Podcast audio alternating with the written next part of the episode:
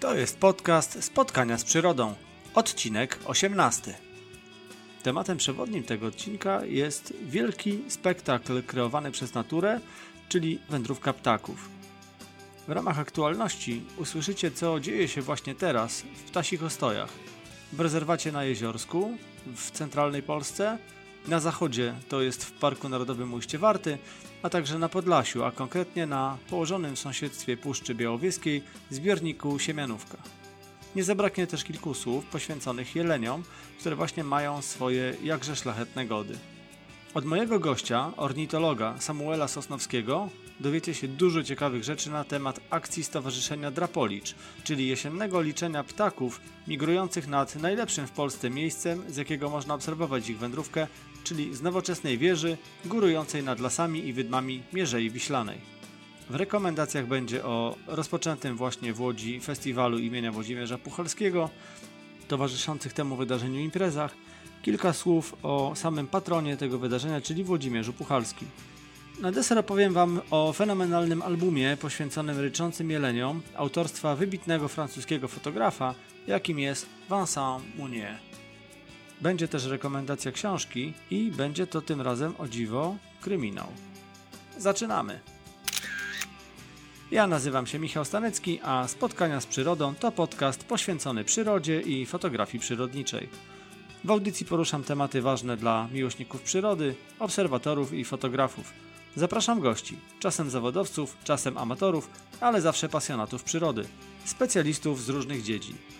Jeśli chcesz odpowiedzialnie obcować z naturą, lepiej ją rozumiejąc, jeśli chcesz być skuteczniejszym obserwatorem, a także robić lepsze zdjęcia, to ten podcast jest właśnie dla Ciebie. Zapraszam.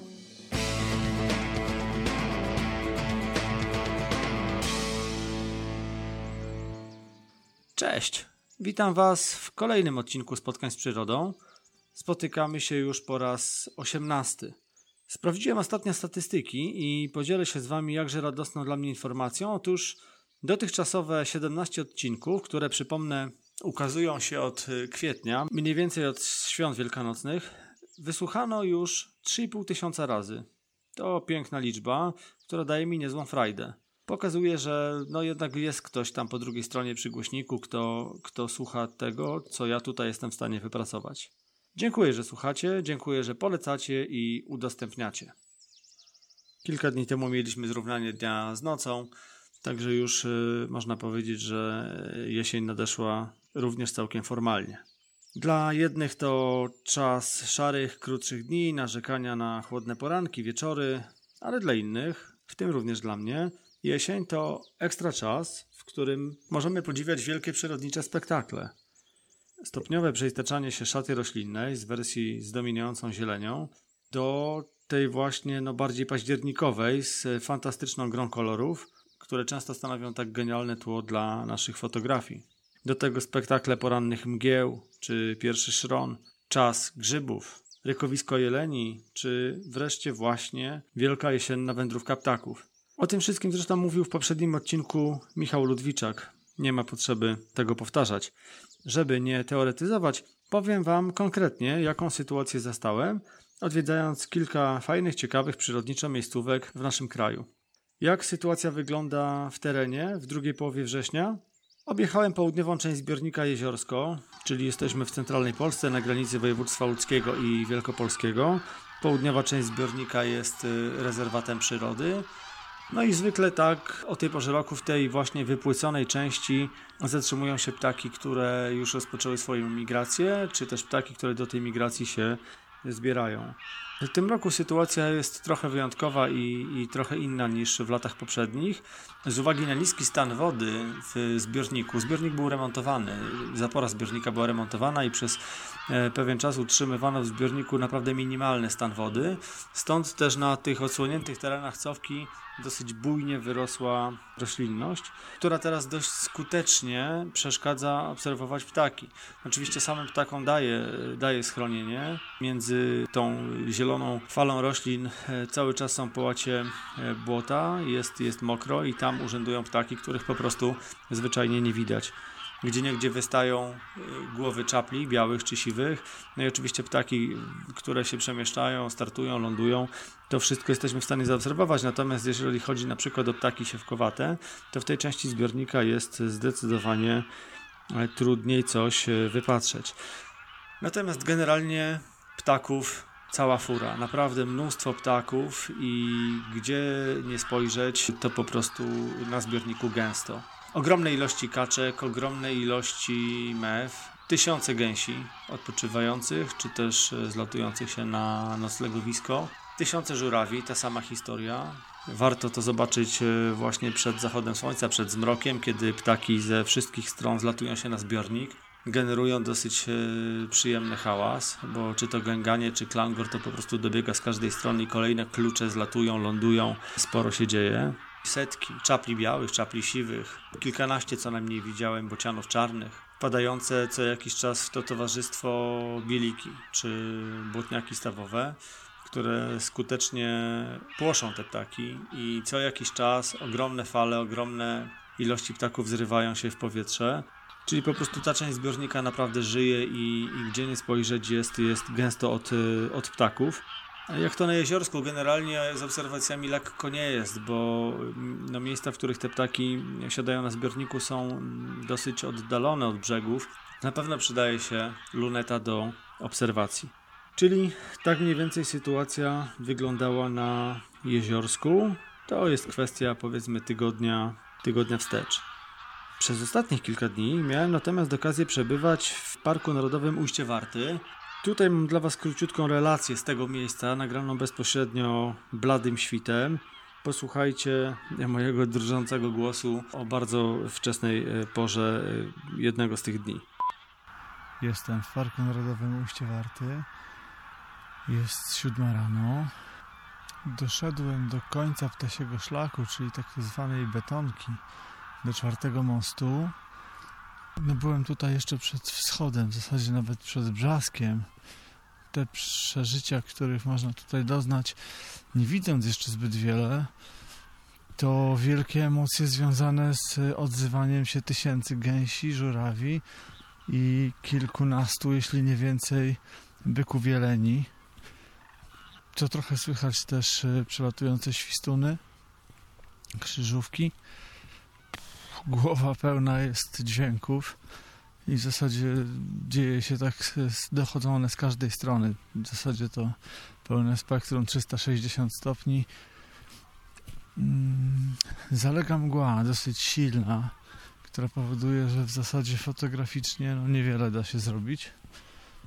Natomiast warto mieć e, właśnie otwarte uszy i cieszyć się i chłonąć wszystkie te dźwięki odwiedził mnie lis i nie wiem, czy to jest e, po prostu e, specyfika Parku Narodowego i tego, że lis jako mieszkaniec tej okolicy nie boi się człowieka, bo tutaj się do niego nie strzela. Nie wiem, natomiast e, przeszedł koło mnie jak pies i dosłownie kilkanaście metrów dalej zaczął sobie spokojnie polować na gryzonie, wskakując w wysoką trawę. Także sytuacja też taka dosyć niecodzienna. Ciekawostką jest fakt, że o godzinie 5 rano termometr w samochodzie pokazywał 1 stopień i musiałem skrobać przednią szybę. Także to taki debiucik w tym sezonie. Mm, na razie nie zanosi się na to, żeby ta mgła się podniosła, więc przemieszczam się wzdłuż szlaku. No, słychać też konie, których jest tu naprawdę mnóstwo wypasanych. Te samo krowy to są setki, a w sumie pewnie tysiące zwierząt. I też są z każdej strony. Ich, e, ich odgłosy mieszają się właśnie z żurawiami, e, no, ale też z ryczącymi bykami. To dodatkowy dodatkowy bonus. Być może trochę tych dźwięków słyszycie w tle. Tak to mniej więcej wyglądało. Jest bardzo sucho i to na samym terenie parku. Widać, że naprawdę w niewielu miejscach gdzieś stoi woda. Rzeki płyną w swoich korytach, nigdzie nic tam się nie rozlewa i, i generalnie ptaków też jeszcze jest niewiele. Dominują gęgawy i żurawie, które szacowano w tym czasie, kiedy ja tam byłem, na 15 tysięcy gęsi i mniej więcej 10 tysięcy żurawi. Jest też przelot y, świstunów i, i te ptaki widać i słychać. No oczywiście trochę krzyżówek, trochę łabędzi trochę czapli. Raz gdzieś przeleciał kulik, odzywając się charakterystycznie, ale, ale to widać, że jeszcze nie ten moment, kiedy, kiedy ptaki ruszą. No i przylecą też gęsi z północy i tam naprawdę sytuacja się mocno, mocno zagęści. Aczkolwiek trafiłem na dni bardzo klimatyczne, bo były tam magiczne chwile, zamglone świty, gdzie przedzierało się przez mgłę wstające słońce.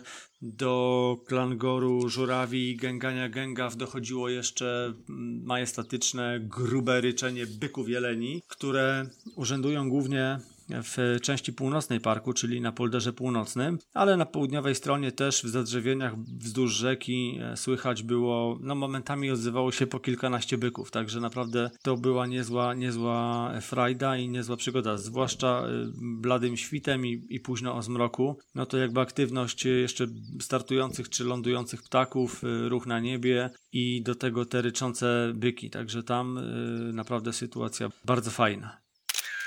No i przy okazji, właśnie będąc w Parku Narodowym Ujście Warty, byłem tam świadkiem pewnego wydarzenia, mianowicie no i to wydarzenia, które mnie mocno zniesmaczyło. Otóż y, pewnego poranka, gdy też czekałem na wschód słońca i poruszałem się wzdłuż y, ścieżki ptasim szlakiem, czyli słynnej betonki, widziałem, że oprócz mnie fotografuje też dziewczyna, która w pewnym momencie, bo gdzieś tam na chwilę straciłem ją z oczu, później zobaczyłem, że znalazła się daleko w głębi łąki, czyli po prostu zeszła ze szlaku i no jakoś obchodząc bokiem weszła pomiędzy stada gęgaw i, i żurawi.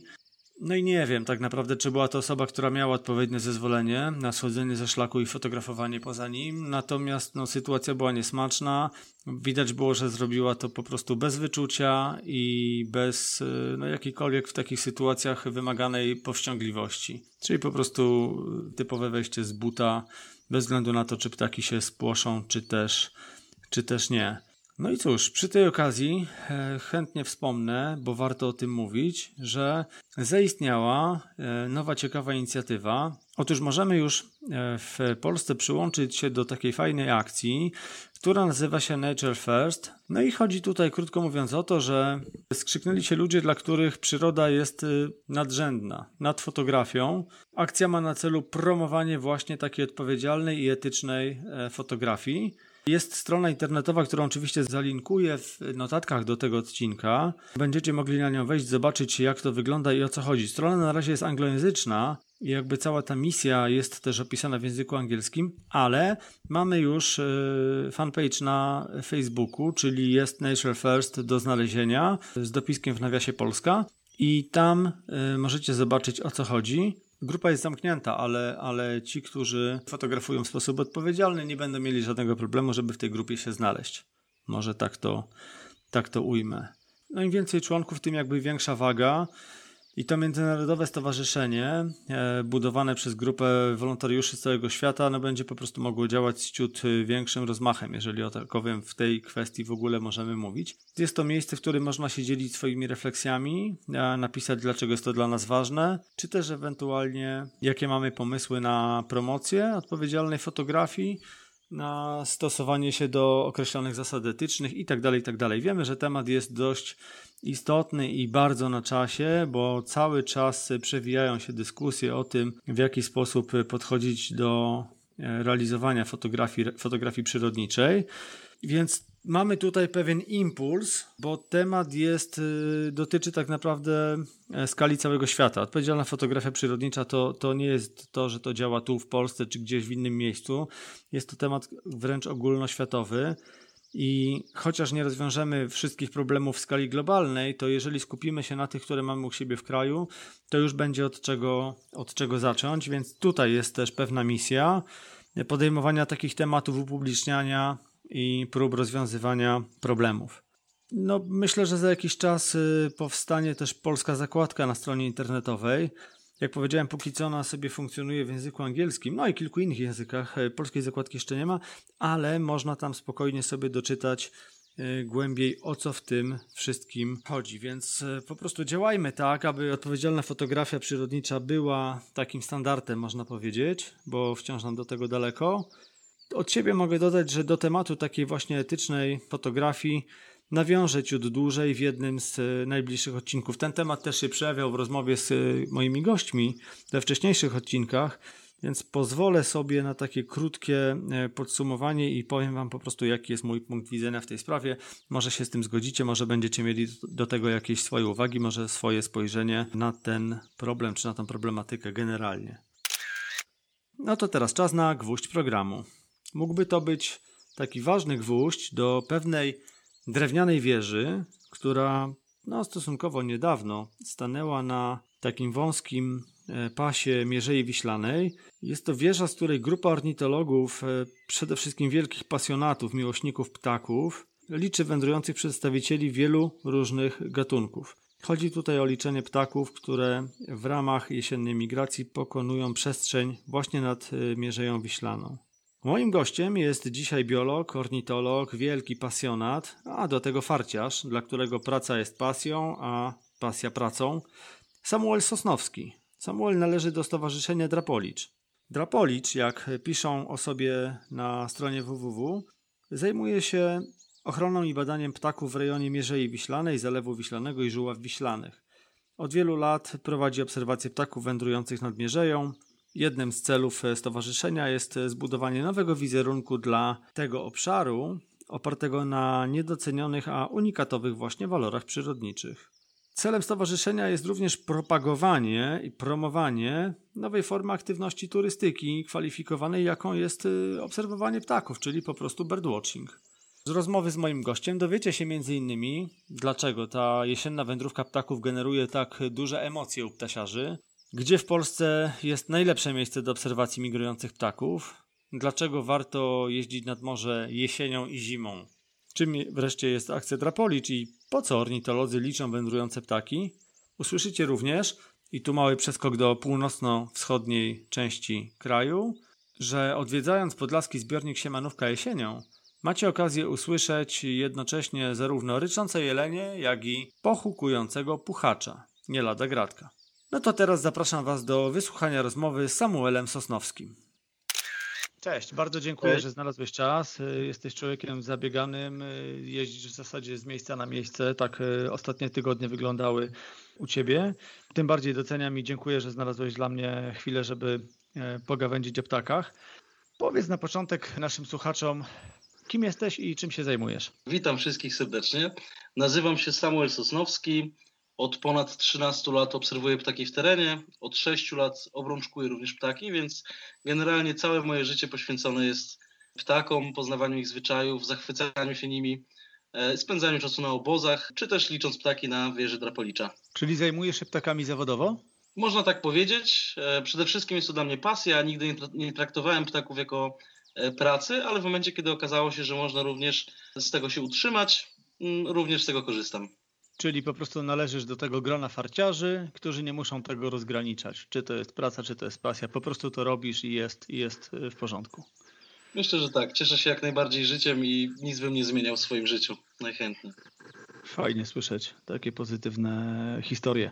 Gdzie jesteś teraz? Obecnie jestem na obozie akcji Siemianówka. Obóz położony w województwie podlaskim, blisko granicy z Białorusią. Jest to północny powiedzmy skrawek Puszczy Białowieskiej. Miejsce przepiękne, miejsce kultowe wśród ornitologów e, na ścianie wschodniej Polski. No i generalnie kieruję e, pracami e, obozu obrączkarskiego, więc obrączkuję ptaki, dbam o to o bezpieczeństwo właśnie ptaków, o cały dobrostan obozu, jak i o przebywających na obozie załogantów. No i co mógłbyś powiedzieć o takiej bieżącej sytuacji w tej chwili? Bo trwa wędrówka w zasadzie, no ona trwa już od sierpnia, można powiedzieć. Stopniowo myślę, zbliżamy się pewnie do takiego czasu kulminacji. Natomiast jak tam dzisiaj sytuacja wygląda na, na ścianie wschodniej? Tak, to generalnie nadchodzi szczyt takiego przelotu ptaków, który możemy powiedzieć jest powiedzmy przełom września i października. Ta ptasia migracja nabiera na sile, więc, więc widzimy, że ptaków jest coraz więcej, szczególnie ptaków, które migrują. No i widać to, to również w sieciach. Chwilowo mieliśmy troszkę problemy z pogodą ze względu na szalejący na Bałtyku sztorm, więc również na Śródlądzie odbiło się to bardzo silnym wiatrem i po prostu chwilowo wstrzymało migrację. W tej chwili mamy słoneczną, ładną pogodę, e, która ma się utrzymać jeszcze przez dłuższy czas. Mają tam chwilowo zakłócić jakiś front, więc póki co mamy tak około 60 ptaków dziennie nowo zaobrączkowanych. Dwa dni niestety przed moim przyjazdem złapała się suweczka, wcześniej jest też srokosz i lelek, więc takie bardzo fajne gatunki. Podczas mojego pobytu na razie nie było żadnych niesamowitych gatunków, natomiast akcja siemianówka ma to, to do siebie, że poza samym jakby samym obrączkowaniem ptaków i chodzeniem na obchody, jest też wspaniała okazja, żeby te ptaki obserwować w terenie, więc mamy pary orlika grubodziowego, zarówno hybrydę, jak i czystą parę, które cały czas pojawiają się w okolicach obozu, czasami są bardzo blisko, to jest dosyć rzadki ptak, biorąc pod uwagę nasz kraj, więc no niezwykle cieszy. Mamy również puchacza, który przy odrobinie szczęścia da się usłyszeć e, z drugiej strony zbiornika. No ale również mamy potężne połacie błota, na którym siedzą najróżniejsze siewki, kaczki, e, również mewy czy, czy różne czaple. Można powiedzieć, że obozy obrączkarskie w Polsce siłą rzeczy z uwagi na swoją lokalizację w cudzysłowie specjalizują się pewnymi gatunkami ptaków. Bliskie mi jeziorsko tutaj niedaleko Łodzi to wiadomo, że są to ptaki siewkowe i zawsze na te jest jakby no, największe nastawienie. Jak to wygląda w przypadku siemenówki? Czy tak też macie, że, że jest to jakby pod kątem konkretnej grupy gatunków? No, na siemce staramy się łapać tak naprawdę wszystko i moim zdaniem, zdaniem które, zdanie, które też powiela wielu ornitologów i obrączkarzy, e, akcja siemianówka ma to do siebie, że ma bardzo szeroki zestaw gatunkowy, bo mamy nie tylko ptaki wróblowe, ale również siewki, kaczki, tak jak wspominałem, ale również ta bliskość e, Puszczy Białowieskiej e, rozszerza gatunki o takie rzadkości jak na przykład dzięcioł-białogrzbiety, zielonosiwy, suweczka, włochatka, jarząbek, które regularnie chwytane są w naszej sieci. No i oczywiście jest to największy zbiornik w województwie, dlatego te wszystkie ptaki ciągną tego zbiornika. Jest super bazą żywieniową dla ptaków, tak, super bazą żerowiskową. Stąd również egzamin w czasie kursu obrączkarskiego odbywa się właśnie na akcji Siemianówka. No tym bardziej, że sama specyfika zbiornika też sprzyja, bo to taki zbiornik już zdziczały, zarośnięty, wypłycony. Jeśli chyba nic się nie zmieniło w ostatnich latach, nie? Z tego co pamiętam się mianowicie. Myślę, że jest coraz bardziej sucho i jeżeli chodzi o ptaki siewkowe, no to naprawdę mamy tutaj raj. Jest, jest mnóstwo ptaków siewkowych, jest, są świetne miejsca, żeby je obserwować, no i też chwytać. A czy uważasz, że dla pasjonata, no ornitologa, ale nawet amatora, nie, nie mówię tutaj o zawodowcach, ten moment, kiedy rusza i nasila się ta jesienna wędrówka ptaków, to jest taki, no może jeden z kilku takich topowych momentów y, w sezonie na ptaki? Jak najbardziej. Moim zdaniem to jest najlepszy okres na ptaki. E, kocham oczywiście wiosnę, kiedy ptaki wracają, śpiewają i można jakby z każdym dniem odkrywać coś nowego i uczyć się super głosów. Natomiast jesienią, biorąc pod uwagę na logikę, tak, ptaków jest o wiele więcej, no bo są po lęgach, więc nie mamy tylko dorosłych ptaków czy ptaków, które przeżyły zimowiska, ale mnóstwo młodych ptaków, które dopiero na te zimowiska ruszają. Także ptaków jest o wiele więcej. No i ta migracja jest największa, jakby, jaką możemy uświadczyć e, chociażby w Polsce. No i pewnie jeszcze można dorzucić taki aspekt, że w przypadku jesieni ptaki się nie spieszą. No tak, bo wiosną wiadomo, tak. że one chcą zająć dobre miejsca, y, lecą na swoje lęgowiska, często gdzieś na północy, gdzie wiadomo krótkie lato, już nie mówię, że Arktyka, ale generalnie no krótko i trzeba się sprężyć. Natomiast w przypadku jesieni, no to tak y, i to też chyba z biegiem ostatnich lat ta tendencja się potwierdza, że ptaki stają się takie mm, leniwie wygodne, nie podejmują ryzykownych wędrówek, tylko czekają w zależności od pogody, opóźniają, przesuwają się delikatnie. Chyba można tak to, tak to podsumować te ostatnie lata, nie? Oczywiście, oczywiście. No, tak, tak jak powiedziałeś, ta wiosenna migracja jest o wiele szybsza i tam jest dużo nerwów, bo ten ptak musi się pojawić jako pierwszy na danym siedlisku, musi znaleźć jak najlepsze miejsce, jak najlepiej adorować samice, jak najlepsze gniazdo budować. Także to jest ten okres, kiedy one naprawdę muszą przyspieszyć. Natomiast jesień jest bardziej rozwlekła w czasie i no, co by nie mówić, mamy tutaj do czynienia z takim głównym czynnikiem, który zmienia tą migrację, jest oczywiście ocieplenie klimatu, gdzie widzimy, że coraz więcej gatunków decyduje się na pozostanie, na przezimowanie e, w naszym kraju. Coraz więcej jest na przykład żurawi, coraz więcej czajek, szpaków, skowronków, które po prostu na zimę u nas zostają i ewolucyjnie taki tak wygrywa, no bo jest pierwszy w miejscu lęgowania, może zacząć wcześniej i może też wprowadzić więcej lęgów. Więc ta jesienna migracja jest zaburzona zdecydowanie. Widzimy to na przykład po wynikach e, Drapolicza, gdzie każdy rok wiadomo jest inny, ale obecnie ta migracja bardzo się rozciąga w czasie. Te ptaki nie są zmuszone tak wcześnie jak kiedyś ruszać na migrację z tych północno-wschodnich oczywiście regionów, także zwykle takim stymulującym też czynnikiem była pogoda właśnie, jakieś szybkie ochłodzenie, przymrozki. W tej chwili widzimy pogodę za oknem, jest coraz cieplej i te ptaki mają cały czas dobre pożywienie tam, gdzie są na lękach, czy odrobinę dalej w, w stronę zimowisk. Także sytuacja jest bardzo dynamiczna, warto ją obserwować, warto ją badać. Faktycznie pogoda zmienia się dynamicznie w ostatnich dniach. Ja teraz kilka dni spędziłem w Ujściu Warty, w Parku Narodowym i sytuacja wyglądała tak, że przed świtem w granicach godziny 5 rano jeden stopień i debiut, jeśli chodzi o skrobanie szyby w aucie w tym y, sezonie jesienno-zimowym, a w ciągu dnia rozkręcało się do 19-20 stopni, także zaczynałem ubrany na cebulę, kończyłem w t-shircie z y, krótkim rękawem. Faktycznie wchodzimy już w ten czas jesieni, trzeba się też przestawić, że tak to będzie no, wyglądać. Na obozie szczególnie to czujemy, gdzie śpimy w namiotach, także no, no. noce i poranki są masakryczne momentami. Natomiast w ciągu dnia da się nawet opalać, także... I ten moment, kiedy, przynajmniej tak było faktycznie w Ujściu Warty, że moment, kiedy zachodzi słońce, to po prostu temperatura leci momentalnie na łeb, na szyję i, i, i duże wychłodzenie. To już y, kończąc motyw tego wprowadzenia i tej jesiennej wędrówki, powiem tylko, że bo może też masz takie, takie doświadczenia, bo tutaj mówimy też o pewnych emocjach. Każdy, kto się pasjonuje ptakami, no to przeżywa, wiesz, dla mnie jako takiego, który chłonie przyrodę całościowo, no to jest taki podwójnie bonusowy czas, y, bo jednak rykowisko jeleni jest też czym, czymś takim, co wyzwala dreszcze na plecach. No właśnie teraz w y, ujściu Warty był taki moment, że na polderze północnym zaczęły ryczeć jelenie. Pewnie dlatego, że temperatura w nocy spadła tak ostro i po kilkanaście byków na raz to była taka ilustracja jeszcze gdzieś w tle do, do klangoru żurawi i do gęgania gęgaw. Po prostu wszystko razem się przeplatało. Gęsia skóra na plecach. To jest taki moment tak, w roku, kiedy jeśli, jeśli chcę kogoś zarazić e, przyrodą, a w szczególności ptakami, to wsadzam w samochód, wiozę taką osobę, no chociażby tam, gdzie zbierają się gęsi w ogromne stada no i te momenty, kiedy gęsi lądują czy startują, z, y, wytwarzając hałas i naprawdę powodując, że to niebo gdzieś tam przez chwilę staje się ciemne, no to pod tym względem faktycznie jest to taki moment, że jeśli ktoś ma poczuć ten, to coś w sobie, no to chyba nie ma lepszego momentu. Zdecydowanie. No, u nas też mamy rykowisko codziennie. Co noc rykowiska mamy rano, kiedy osoby idą pierwsze na obchód.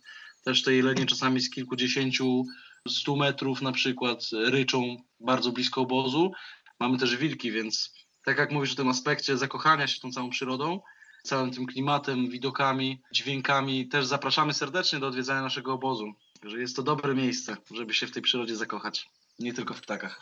Ja w notatkach do tego odcinka na, na stronie bloga też y, oczywiście wrzucę odpowiedni link. Zresztą pewnie nie jeden, bo wyłoni nam się tutaj w rozmowie pewnie kilka rzeczy, które trzeba będzie zahaczyć.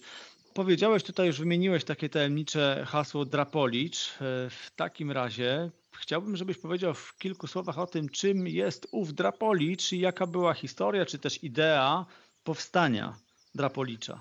Drapolicz jest organizacją, jest stowarzyszeniem, które bada migrację głównie przede wszystkim ptaków szponiastych i sokołów, czyli tak zwanych drapoli, stąd nazwa, od liczenia drapoli drapolicz. Nasze, nasze stowarzyszenie e, poza tymi ptakami liczy również gołębie oraz krukowate, a liczenia odbywają się na Mierzei Wiślanej, konkretnie na górze Pirat, e, położonej około 4 km za granicą morską. Jest to bardzo mm, wysoki punkt, biorąc pod uwagę e, ukształtowanie Mierzei Wiślanej oraz jeden z najwęższych punktów całej Mierzei. Stąd ptaki, które migrują do nas z północnego wschodu, które lecą szerokim frontem wzdłuż wybrzeża, w końcu trafiają na coraz węższy fragment lądu. No i robi się tak zwany efekt lejka, inaczej efekt wąskiego gardła, gdzie w takim, na takim wąskim obszarze mamy możliwość obserwowania tak spektakularnego przylotu wszystkich ptaków tak naprawdę, nie tylko tych, które liczymy. Liczenia zaczęliśmy w roku 2008. W 2007 ten pomysł zaczął raczkować, wtedy e, pierwsze jakieś e, obserwacje prowadziliśmy. Zauważyliśmy, że rzeczywiście to miejsce jest niesamowite, że warto w tym miejscu rozpocząć jakieś głębsze badania. Później powstała Ambona, gdzie była cisza, spokój, nikogo tam praktycznie nie spotykaliśmy. A w chwili obecnej mamy potężną wieżę e, wybudowaną dzięki wsparciu Nadleśnictwa Elbląg oraz darczyńców. Postawiliśmy wieżę, która ma trzy kondygnacje. z której bardzo wygodnie obserwuje się ptaki wędrujące.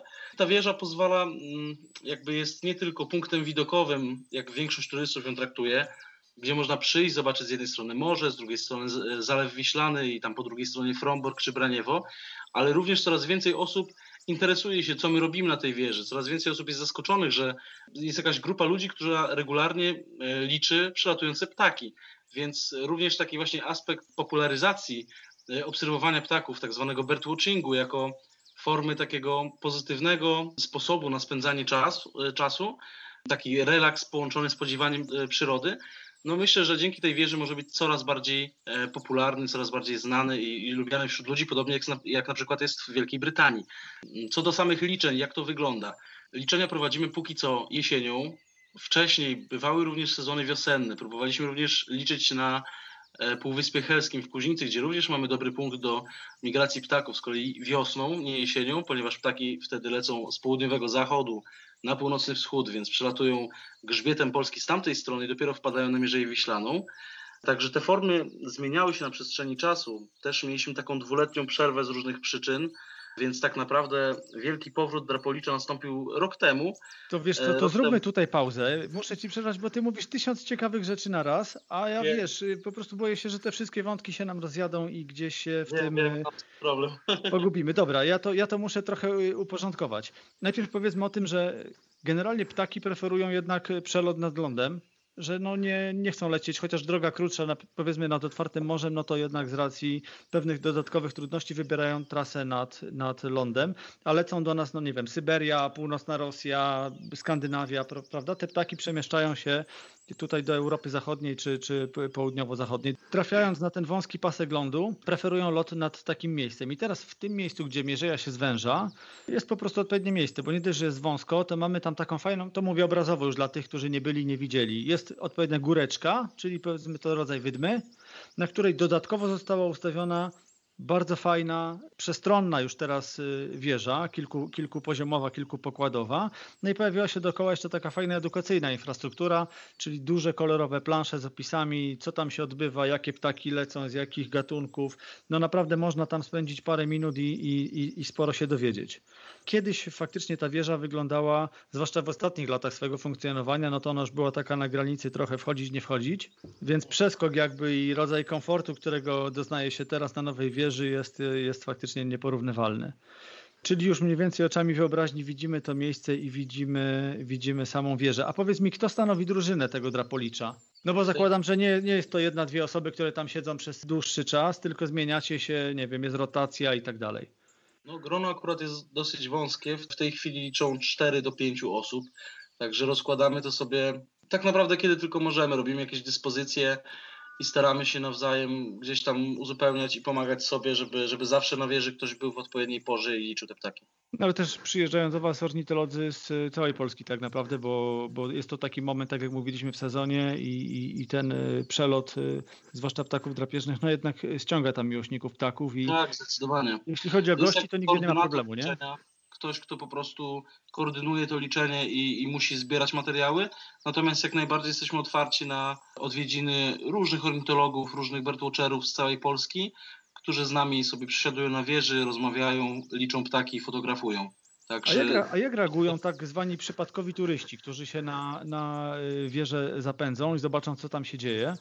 Szczerze mówiąc, większość, większość osób nawet nie czyta tablic, czy jedynie jakoś na nie zerka, nie wgłębiając się za bardzo w ich treść. Natomiast największym szokiem jest moment, kiedy nadlatuje bielik w okolicach wieży.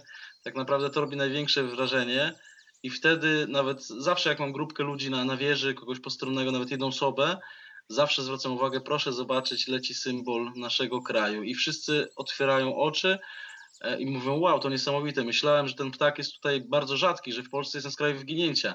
No i wtedy się, zaczyna się cały dialog, że z bielikiem jest coraz lepiej w Polsce, że tutaj wokół Zalewu Wiślanego mamy aż 17 par, więc średnio co 15 minut ten bielik gdzieś tam przelatuje, łowi rybę, Także już ludzie po prostu otwierają oczy, widzą tą bliskość przyrody i zaczynają zagadywać.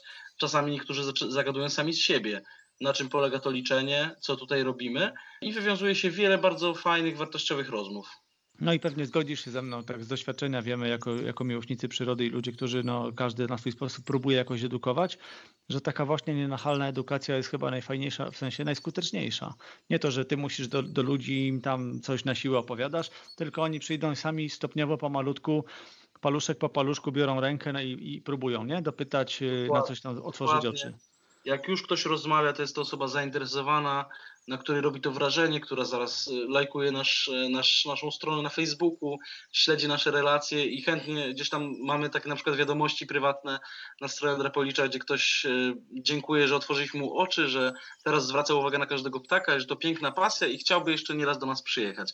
Także myślę, że właśnie tak jak powiedziałeś, taki sposób edukacji jest najlepszy, po prostu osoby zainteresowane konkretnie zadają pytania i, i, i poszerzają swoją wiedzę i sprawia mi to przyjemność. To jest coś, co dla mnie na przykład jest bardzo ważne w życiu. Czuję jakąś misję w tym, żeby jak najwięcej osób wciągnąć w to środowisko, jak najwięcej osób uwrażliwić na ptaki, żeby po prostu żyło nam się lepiej na tej planecie. No po prostu doskonała promocja dla przyrody jako takiej. To w takim razie jeszcze zahaczę raz o to miejsce, lo, lokalizację, bo to, że wpadliście na pomysł, żeby liczyć ptaki, no to nie było nic nowego, powiedzmy w skali Europy takie rzeczy się Oczywiście. działy I, i, i wiemy, że jest kilka miejsc, no zwłaszcza na południe, no bo jakby trzymając się już tej myśli, że, że ptaki wolą lecieć nad lądem niż nad wodą, no to ptaki polecą sobie przez y, Gibraltar i jest takie miejsce, chociażby nie wiem, w Tarifie można w Hiszpanii sobie y, te ptaki oglądać masową migrację robiącą niesamowite wrażenie wielotysięczne, a gdzieś tam sumarycznie milionowe ilości ptaków. To samo nad, y, nad Bosforem w Turcji. No ale u nas jako takiego miejsca dedykowanego nie było i teraz okazuje się, że to, to miejsce na Mierzei wychodzi na to, że jest no, chyba najlepszą miejscówką w Polsce. Tak, myślę, że zdecydowanie. Wiosną Hel jest również dobry, tak jak wspominałem, Kuźnica w Helu, ale to jest przylot wiosenny, który jest bardzo kapryśny. Natomiast na Mierzei Wiślanej te ptaki lecą praktycznie zawsze. W większych lub mniejszych ilościach, ale w tych porach migracji codziennie tam lecą ptaki. A po co liczy się ptaki? No to jest jedno z takich trudnych pytań, które zadają nam często turyści. I chyba najprostszą odpowiedzią na to pytanie jest e, to, że po prostu kochamy to robić. Jesteśmy po prostu zajawkowiczami i uwielbiamy je liczyć, e, mieć, być bardzo blisko z ptakami, e, być coraz lepszym w ich identyfikacji, znajdować jakieś fajne gatunki również, ale biorąc pod uwagę taki, bad, e, taki badawczy, naukowy aspekt, takie liczenia dają nam mnóstwo informacji. Dają nam mnóstwo informacji chociażby o fenologii przelotu, czyli co i kiedy leci, w jaki sposób właśnie klimat wpływa na przeloty ptaków, jak, jak to się zaburza. E, wiemy na przykład, e, jak to wygląda mm, z przelotem w obrębie gatunku, biorąc pod uwagę jakąś piramidę wiekową czy, czy związaną z płcią, Także u niektórych gatunków na przykład samica leci szybciej, potem dopiero samiec, potem młodzież. Także możemy stąd mnóstwo takich informacji wydobyć. Wiemy o dynamikach przylotu. W przyszłości mamy jakieś ciche plany, żeby również, e, żeby dopełnić jakby ten obraz badanej migracji, otworzyć stację obrączkowania ptaków, gdzie również będziemy wiedzieli, e, jak ten przylot wygląda w świecie ptaków wróblowych, których również na wieży potrafi, nad wieżą potrafi przylecieć około 300 tysięcy nawet dziennie. Także niewątpliwie jest mnóstwo e, aspektów, które można badać, a przy okazji również ważną informacją są zalatujące rzadkie ptaki, które w takich warunkach, gdzie przesiadujemy na wieży te 8 godzin dziennie, jesteśmy w stanie wyłuskać coś ciekawego, tak jak na przykład w zeszłym roku odwiedził nas Jerzyk Blady, trzeci dla Polski, czy, dwa, e, czy w roku 2019 wiosną e, osobiście miałem czwartego dla Polski Kaniuka. Także i takie fajne, fajne ptaki się trafiają i to też tam pokazuje e, wiele rzeczy. A w takim razie jeszcze dopytam o to, bo skoro spytałem po co się liczy, no to, to zanim dojdziemy jeszcze do tych ciekawostek, liczb, statystyk czy rarytasów, to chciałem zapytać o taką czystą metodykę. Jak liczyć ptaki, Skoro okej, okay, są takie momenty, gdzie sobie przeleci ptak, czy powiedzmy grupa ptaków, jest chwila przerwy, chwila spokoju, za chwilę ktoś tam y, zobaczy, że znowu gdzieś z drugiej strony leci kolejny i tak y, tym sposobem. Ale są przecież te momenty takiego zmasowanego przelotu. No i tutaj już y, mocno mnie to ciekawi. Czy wspomagacie się, nie wiem, aplikacjami jakimiś, czy wspomagacie się jakimiś innymi mechanicznymi licznikami, które się, nie wiem, klika? No, jak to wygląda? Zdarza nam się używać klikerów na pewno. Ostatnio e, Jacek Betleja pokazał mi taką aplikację, gdzie jest właśnie aplikacja Clicker, która pozwala liczyć na bieżąco i to fajnie, bo może, można dodawać pojedyncze osobniki, można dodawać pięćdziesiątkami, setkami, to wszystko sobie można ustawiać. Natomiast głównie liczymy, głównie daj, dajemy radę. Zwykle ktoś jest na wieży, więc jak, jak są dwie osoby, to już jest super, jedna osoba wpisuje, druga zajmuje się samym liczeniem. Tak naprawdę przelot ptaków szponiastych mm, jest dosyć łatwy. One lecą bardzo majestatycznie, lecą w miarę blisko, nie lecą w takich chmarach jak na przykład ptaki wróblowe, więc jak ptaki e, szponiaste i sokoły jesteśmy w stanie w miarę ogarnąć, tak myślę, że większy problem sprawiają gołębie, które potrafią, stada grzywacza, które potrafią przekroczyć na przykład 5 tysięcy, które nadciągają na wieżę, czy też e, stada krukowatych, gdzie mamy kilka gatunków w jednym stadzie, które też musimy wyłuskać, czyli mamy tam głównie na przykład gawrona, w tym wronę siwą i kawkę. Ale wracając do całej metodyki, no liczymy codziennie od 7 do 15, notujemy ptaki, które przylatują kierunkowo, czyli ptaki nie jakieś krążące, nie ptaki lokalne, nie ptaki, które lecą na cofce, te również odnotowujemy, ale przede wszystkim notujemy ptaki, które lecą w odpowiednim kierunku, czyli obecnie jesienią są to ptaki, które lecą ze wschodu, upraszczając na zachód. Także kierunkowy Czyli trasa WZ, klasyka. Dokładnie, dokładnie tak, wiosną odwrotnie, bo te ptaki wtedy lecą na lęgowiska oczywiście. Zaznaczamy w formularzach, które, które mamy po prostu wydrukowane przed sobą, w formularzach zaznaczamy e, oczywiście e, gatunek ptaka jest tak, jeżeli możemy określić to, wiek i płeć, to jak najbardziej określamy. No i w którym miejscu jakby leciał ptak, tak? Czy leciał na jakim pułapie, przede wszystkim czy leciał nisko nad głową, czy leciał e, nieco wyżej i czy leciał bardzo wysoko gdzieś tam kropka na niebie. No i kolejna sprawa, czy leciał nad lasem, czy leciał nad zalewem, to również odnotowujemy. No i jeśli chodzi o dokumentowanie, no to co? Przede wszystkim fotografia.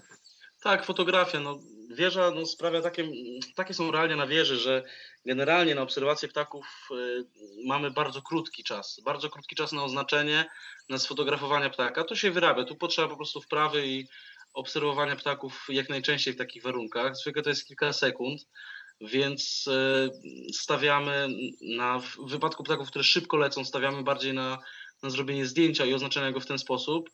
I to się generalnie sprawdza. Tak to robimy. O, jeszcze a propos tych dużych stad, o czym wspomniałem, ludzie też często pytają, w jaki sposób liczymy takie wielkie stada.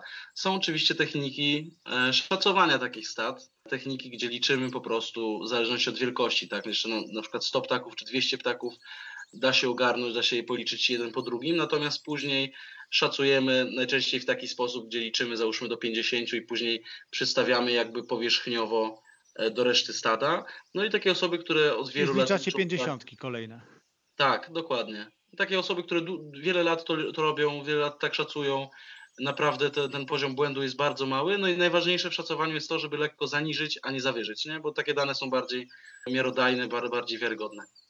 No to też yy, znowu dodam, działając na wyobraźnię, otwierając wyobraźnię słuchaczy, że no czasami jeżeli, nie wiem, widzimy jakiegoś ptaka lecącego nad łąką, to my go widzimy gdzieś z daleka, on się pojawia, potem przelatuje, widzimy go z przodu, z boku, z tyłu i tak dalej.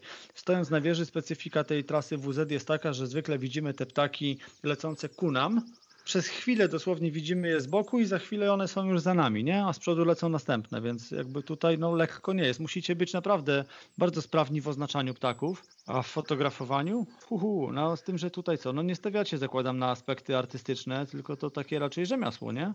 Znaczy da się, da znaczy, się. nie urażając Myślę, nikogo, nie, nie, żebyśmy się dobrze zrozumieli. No, nie, nie, no, ja śledzę I też te zdjęcia. Myślę, i... że mistrzem akurat Myślę, że akurat u nas mistrzem takim w fotografii jest Adam, Adam Janczyszyn i Teresa Kozakiewicz. Oni potrafią naprawdę z, z tych zdjęć wydobyć wszystko i naprawdę ładne mają zdjęcia ptaków szponiastych. Ja nie należę do fotografów, mam aparat, mam lustrzankę z drugim obiektywem, tylko ja bardziej jestem nastawiony na dokumentację ptaków, więc wiadomo, jeżeli coś mi się trafi bliżej, coś mi się trafi w ładnym świetle, to coś tam bardziej przy tym e, popróbuję, natomiast no, realia wieży nie pozwalają na, na wiele kombinacji. Trzeba być przygotowanym na wszystko, operować sprawnie czyli, ustawieniami. Czyli przede wszystkim zdjęcie musi być ostre i pokazywać te cechy ptaka, które jakby wpływają na jego na oznaczenie gatunku. Najkrócej Dokładnie. mówiąc? To jest najważniejsze liczenie. Czyli rozumiem, że w takiej sytuacji, przy takiej typowej dokumentacji, no to pewnie wspomagasz się ciągłym śledzeniem, autofokus jest ustawiony na, na ptaki w ruchu i pewnie zdjęcia seryjne na tej zasadzie. Tak. No, myślę, że na takim przelocie nadają się jedynie e, lustrzanki z długim obiektywem, gdzie mamy tą szybkość, nie musimy czekać na, tak jak w przypadku kompaktu, na wysunięcie się e, całego tego obiektywiku, tego zoomu i wtedy no, mamy szansę sfotografować i jeżyka, i jaskółkę, czy jakiegoś pędzącego drzemlika, czy, czy innego sokoła. Także to jest myślę, że dobry zestaw na, na siedzenie na wieży. No to tych zdjęć powstaje masa, a macie w ogóle czas na to, żeby potem je y, zgrać gdzieś, zrzucić z karty i przejrzeć, czy to jest tylko tak na zasadzie na szybko do identyfikacji właśnie nawet z y, wyświetlacza aparatu? Jakieś ciekawsze zgrywamy, jak najbardziej w domu sobie obrabiamy. E, staramy się codziennie wrzucać relacje również z liczeń, gdzie jakieś najfajniejsze fotki dnia, takimi najfajniejszymi fotkami dnia się dzielimy z naszymi e, fanami. I tutaj profil e, facebookowy Drapolicza oczywiście też e, podepnę, bo warto go śledzić, warto zobaczyć, chociażby w ostatnich dniach sporo się działo i takie, i takie informacje, ciekawostki pojawiają się na bieżąco. No było właśnie trochę rarytasów w ostatnich dniach, znowu sypnęło takimi rzadkimi trzynadlami. E, zresztą, tak jak mówię, no, kto kliknie w link, ten się przekona, jakie tam historie się, się dzieją. No właśnie, trochę, trochę jakbyś odnośnie takich ciekawostek, może trochę statystyk, żeby też no, naświetlić sprawę, jakie ptaki lecą, jakich ptaków leci najwięcej. Ja wiem, że to są takie pytania dość złożone i można by było pewnie długo o tym gadać, ale tak e, z punktu widzenia, wiesz, początkujących, którzy by chcieli usłyszeć, na co wy tam tak, tak patrzycie? No tak, to jest, tak jak mówisz, pytanie dosyć szerokie ze względu na specyfikę każdego sezonu. No, każdy sezon jest inny, każdy sezon ma swo- rządzi się jakby swoimi prawami. Więc ja tu szybko postaram się znaleźć e, jakieś podsumowanie to, to wiesz, to zeszłego też... roku do tego No właśnie, tak, na, na, na, podstawie jakichś liczb, ale generalnie najbardziej skupiacie się na y, wszystkich ptakach szponiastych, na drapieżnikach. Y, liczycie też gołębie, jak powiedziałeś na początku i liczycie ptaki krukowate. Zdarzały się lata, nie wiem jak jest w tym sezonie, czy obrączkujecie, łapiecie drobnice? Raczej okazyjnie. No zwykle takie chwytanie ptaków e, odbywało się podczas pikniku, który w tym roku niestety będzie online. E, ptasi piknik, który odbywa się tam w pierwszy weekend października. W tym roku będzie online, więc coś tam postaramy się również pokazać online z takiego łapania. Natomiast dawniej był obóz Drapolicza, który funkcjonował w klinice morskiej e, i niewątpliwie był to jeden z najlepszych obozów, jakie, jakie do tej pory powstały w Polsce, gdzie łapały się świetne gatunki, świetne ilości. Także to, no szkoda, że niestety ten obóz się skończył, również tam przebudowa e, wałów w klinice morskiej mm, przyczyniła się do tego. Natomiast no może w przyszłości to chwytanie ptaków e, z powrotem uruchomimy na jakąś szerszą skalę. To jeśli mówimy o tym, co jeszcze się e, działo, a chyba też się nie dzieje, to jeszcze stosunkowo niedaleko, też w okolicach Krynicy, tylko z drugiej strony, odbywały się obie, obozy sowiarzy, czyli, czyli e, inny w ogóle sport, bo e, nocna akcja, e, łapanie w sieci migrujących słów i też obrączkowanie badania. Przede wszystkim w ogóle w, na, na Mierzei Wyślanej przed Krynicą Morską w Siekierkach od wielu lat funkcjonuje obóz akcji bałtyckiej, gdzie rok w rok jesienią się chwyta ptaki wróblowe i obrączkuje, także o tym warto wspomnieć zdecydowanie. E, gdzie akcja bałtycka jest no, taką najstarszą akcją, która, która działa nieprzerwanie od, od 60 lat. W tym roku obchodzi 60. urodziny, także to już nie są przelewki. Natomiast obóz Sowiarzy zdecydowanie miał niesamowity klimat, był niesamowitym obozem, gdzie można było zbliżyć się do takiej grupy ptaków, która jest bardzo skryta i ciężka do obserwacji, czyli właśnie do słów, gdzie można było podczas jednej nocy zobaczyć nawet kilkadziesiąt uszatek, trochę uszatek błotnych, zdarzały się również włochatki czy płomykówki, także był to niesamowity obóz, który no, też skończył się bodajże w roku 2017. Trzeba by było to sprawdzić, natomiast no, zdecydowanie był, było to niesamowite przeżycie być na takim Bar obozie. Bardzo klimatyczna y, chatka w stylu leśniczówki, y, lekko na uboczu, w lesie. No, po prostu tak, wielka przygoda. Miałem, miałem przyjemność e, dwa razy jako gość e, też uczestniczyć i, i, i zrobić tam taką fotorelację z e, akcji, z obchodem włącznie. No naprawdę bardzo, bardzo klimatyczne przeżycie, takie z dreszczykiem na plecach, bo samo nocne wyjście na łąki, gdzie rozpinane są sieci, z tak, taką tak. adrenaliną, nie? czy w tych sieciach coś będzie, czy nie. I, I potem jakby możliwość, tak jak powiedziałeś, no zobaczenia z bliska no dla kogoś, kto nie jest blisko takich klimatów, no to takich ptaków duchów, tak naprawdę duchów nocy. Tak. A jeszcze posłuchanie kogoś, kto, kto dobrze się na tych ptakach zna i, i może powiedzieć e, dużo ciekawych rzeczy e, przy okazji, no to po prostu rewelacyjna lekcja, lekcja biologii, taka ornitologia w pigułce. Super, super sprawa.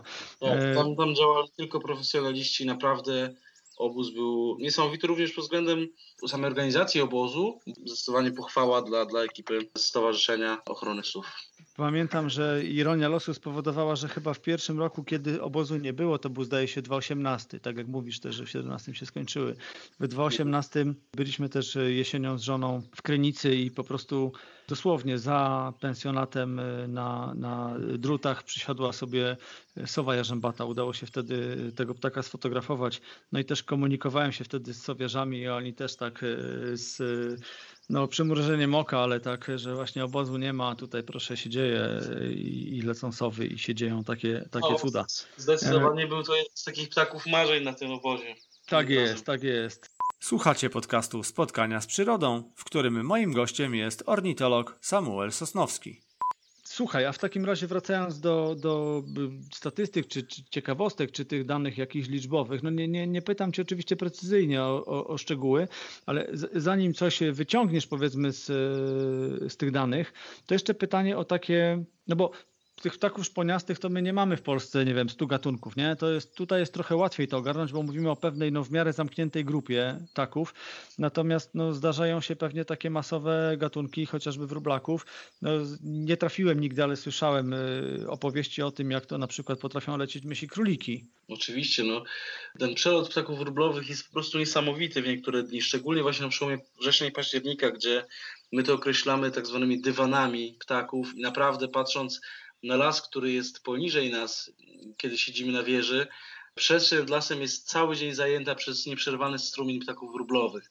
Te ptaki, na przykład myśli króliki, właśnie potrafią usiąść na chwilę na wieży na nas popatrzeć, czy usiąść tam na plecaku, gdzieś tam na chwilkę złapać oddech i lecieć dalej. I wśród tej drobnicy lecą na pewno, z całą pewnością lecą, leci mnóstwo ciekawych, rzadkich również ptaków gdzieś tam z Syberii, które zabłądziły, ale tego jest tak dużo, że czasami ciężko je wyłuskać. A czy, może to nie do końca mądre pytanie, ale czy zdarzają się mm, takie gatunki, bo mówimy o tym, że zdarzają się to tak zwane raryty, rarytasy, y, y, super rzadkości, ptaki, które udaje się zaobserwować na przykład w historii tych naszych obserwacji polskich po raz pierwszy, drugi, trzeci.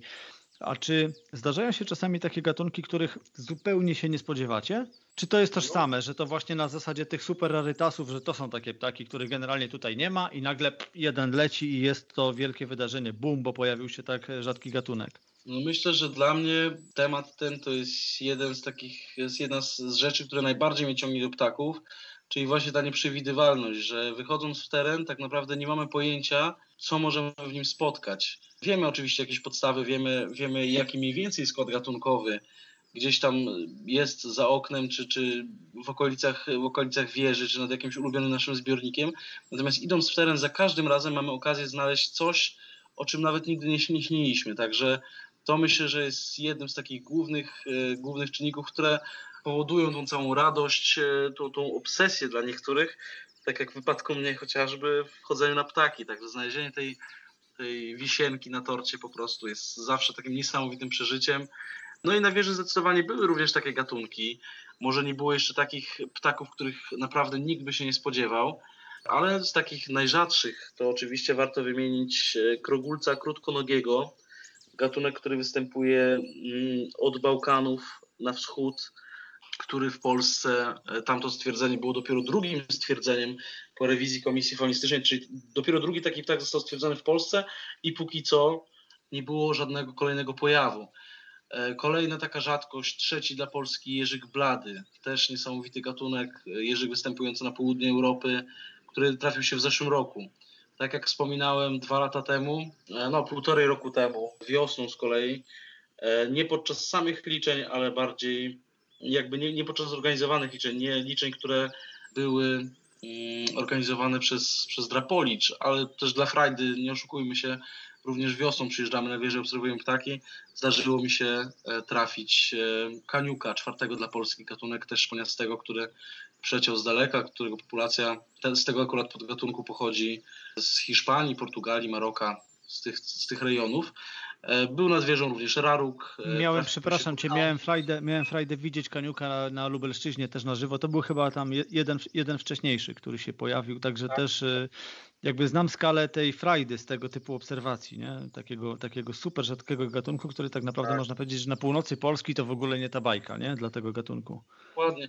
No i właśnie te warunki, o których mówiliśmy, że to jest niesamowite po prostu, niesamowity szok, kiedy no mamy na obserwację ptaka kilka sekund. Widzimy, że to jest coś rzadkiego, łapiemy za aparat, fotografujemy, patrzymy i rzeczywiście to jest on, to jest ten kaniu, który przeleciał mnóstwo kilometrów, który no, zabłądził po prostu na północ Europy i trafił się akurat tego dnia nad nami, zdążyliśmy zrobić zdjęcie, zdążyliśmy przypatrzeć się temu ptaszkowi, jest, jest niesamowicie, jest po prostu świetne. W pierwszej chwili, wiesz, zapewne przecieraliście oczy, no bo tak, tak przez moment to, to, nie wierzy się w to, co się, co się widzi, prawda? Pamiętam jeszcze taką... emocja, przez godzinę nie mogłem dojść do siebie tak naprawdę. Tak. Pamiętam taką akcję też na, na stawach hodowlanych na północ od y, Łodzi w y, Dolinie Bzury.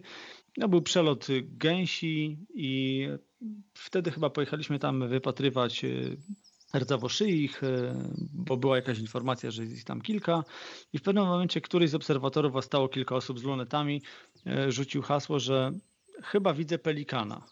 No, no to inni spojrzeli po sobie, spojrzeli na niego. Była niedziela, wydawało się, że może nie wypoczął jeszcze po sobocie. Po chwili ktoś drugi mówi, tam chyba emocje spowodowały, że nawet padły jakieś niecenzuralne słowa, no ale, faktycznie, ale faktycznie tak, że, że, że chyba tak. No i już, już po chwili wszyscy widzieliśmy, wylądował sobie w tym e, całym ptasim młynie e, pelikan kędzierzawy. W ciągu, nie wiem, godziny czy dwóch tam po prostu zaczęli przybywać obserwatorzy z całej okolicy, bo takie wieści się szybko rozchodzą, ale to pamiętam do dziś naprawdę, że, że są to takie emocje z tych naprawdę dużego kalibru. Oczywiście, no to jest niesamowite przeżycie. Ciężko mi na przykład to odnieść. Myślę, że taki, taka radość ze znalezienia czegoś naprawdę bardzo rzadkiego jest póki co, nie znam wyższego poziomu jakby szczęścia e, niż taka chwila właśnie. No dobra, a powiedz mi w takim razie, tak e, czysto statystycznie, no opierając się chociażby na poprzednim sezonie, których drapieżników leciało najwięcej? Może najpierw ogólnikowo, w liczbach jak to wyglądało dla grup. W zeszłym roku łącznie mieliśmy 109, 190 814 ptaków, także prawie 200 tysięcy ptaków, które liczymy. A trzeba powiedzieć, e, że akcja trwa od? Akcja trwa od połowy sierpnia do połowy listopada, mniej więcej. Okay. No i tutaj wiadomo, większość stanowiły gołębie, których było 126 tysięcy 34, czyli głównie grzywacz, trochę siniaka, jakieś pojedyncze również sierpówki i turkawki. Ptaki krukowate 53 521 ptaków. No i te ptaki, które są dla nas, e, że tak powiem, najbardziej, najważniejsze flagowe, czyli ptaki szponiaste 10 467 osobników i sokoły 792 osobniki. I już tutaj mówię, jak to wyglądało, że tak powiem, kto, kto królował podczas liczeń wśród tych ptaków, wśród drapoli, potocznie przez nas zwanych. Tak, no przede wszystkim krogulec oczywiście, co nie jest wielkim zaskoczeniem. 8150 ptaków, myszołów zwyczajny 1450 ptaków, chociaż tutaj byliśmy nieco zdziwieni, bo leciało go bardzo mało w porównaniu do innych sezonów jesiennych. E, I okazało się, że jak skończyliśmy liczenia, to dopiero wtedy ruszyły. Także tu już widzimy, widzimy zmiany klimatu. Było wiele cieplej, one poleciały później niż my liczyliśmy. Także mm, to było mm, takie no, typowe dla zeszłego sezonu.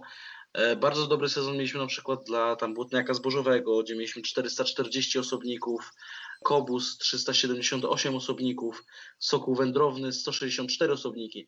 I tu warto też się zatrzymać i powiedzieć o sokole wędrownym, gdzie wieża Drapolicza jest jedynym miejscem w Polsce, jak nie w Europie, gdzie można ich zobaczyć prawie 30 w ciągu jednego dnia. Także tak, tak wyglądają rekordy i tych sokołów wędrownych naprawdę jest bardzo dużo i również zagraniczni, którzy do nas przyjeżdżają, czy ze Skandynawii, gdzie mamy punkt liczenia Falsterbo, czy z południa są zachwyceni na przykład ilościami właśnie kobuza, czy y, sokoła wędrownego. Także to są takie flagowe, myślę, gatunki. No bo umówmy się, że dla takiego przeciętnego obserwatora ptaków, y, który gdzieś tam sobie weekendowo wyskakuje w teren, no to zobaczenie sokoła wędrownego to nie jest taki chleb z masłem, że... że y, oczywiście, oczywiście. No. Od święta, o, może tak. Tak, tak, tak. To jest obserwacja jakieś pojedyncze osobniki, widzimy co jakiś czas. Może w ujściu Wisły widzimy je w miarę regularnie, natomiast no, wieża daje no, niesamowitą okazję, żeby się dobrze im przyjrzeć. Nie? Jasne.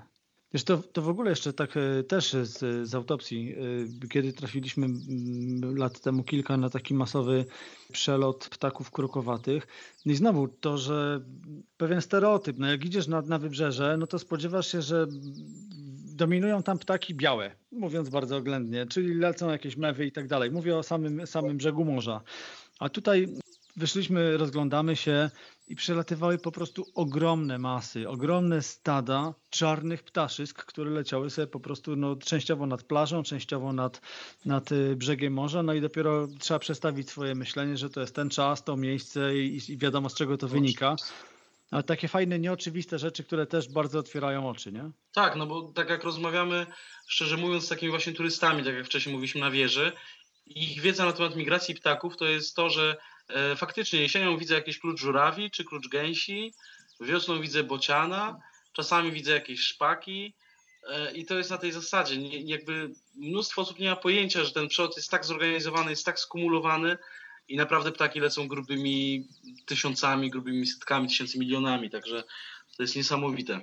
Takim razie może zostawmy już e, liczby, bo, bo tu już to, to, co wymieniłeś, tak jakby daje pewne wyobrażenie, że jeżeli mówimy w perspektywie tych kilku miesięcy o, o liczbie około 200 tysięcy ptaków, które przelatują no, w tej konkretnej lokalizacji, a rzecz jasna zawsze można powiedzieć, że ludzie, którzy patrzą, obserwują czy liczą ptaki, no to widzą tylko jakiś wycinek mimo wszystko, choć tutaj na wąskim odcinku Mierzei szanse są, są większe, że się jednak to ogarnia, to, to, to daje to po prostu wyobrażenie tego, jak, e, o jakich liczbach, ilościach ptaków my mówimy w ogóle w skali, w skali migracji. Nie? Ciężko jest sobie po prostu nawet to wyobrazić. A takie akcje jak wasza troszkę otwierają y, oczy i umysł, dają pewne wyobrażenie tego, co w tym świecie przyrody się, się nią dzieje. Oczywiście, jak najbardziej. Czyli ten, znowu ten aspekt edukacyjny i taka popularyzacja tematu, tematu ptaków. No jeszcze tak jak powiedziałeś, do, do Wysp Brytyjskich nam daleko, ale, ale jeżdżąc w teren y, ale mam wrażenie, że... Rozkręcamy się, nie? Przybywa, tak, przybywa tak. obserwatorów, jest większa dostępność sprzętu, lornetki, lunety, aparaty fotograficzne. Coraz więcej widzi się właśnie osób, które nie robią tego profesjonalnie, ale naprawdę szukają tego kontaktu z przyrodą, szukają tej, tej, tej miłości do przyrody, co jest wydaje mi się naturalną potrzebą człowieka i to na, naprawdę mm, powoduje uśmiech na ustach i widzimy, jakby patrzymy z coraz większą nadzieją w przyszłość, gdzie wiemy w jakim stanie jest planeta, wiemy jakie jest nastawienie ogólne e, ludzi na świecie, ale jeżeli coraz więcej będzie takich ludzi, którzy kochają przyrodę, idą w tą stronę, naprawdę będzie nam się żyło lepiej i przyjemniej.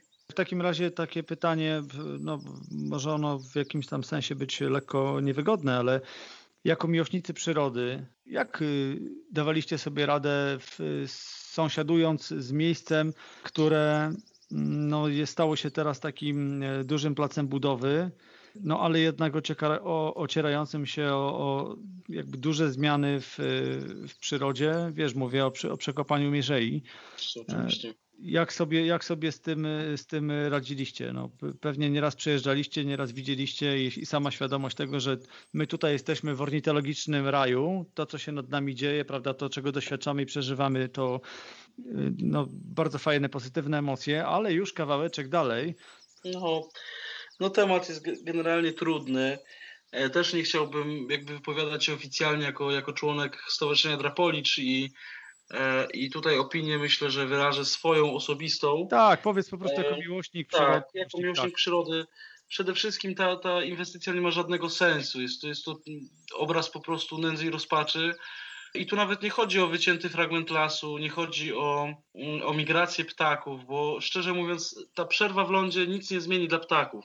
Zostały, został wycięty fragment lasu, został wycięty fragment e, trzcinowiska, e, gdzie tak naprawdę podobne siedlisko mamy na bardzo dużym obszarze mierzei, więc nie jest to jakaś wielka strata lęgowa.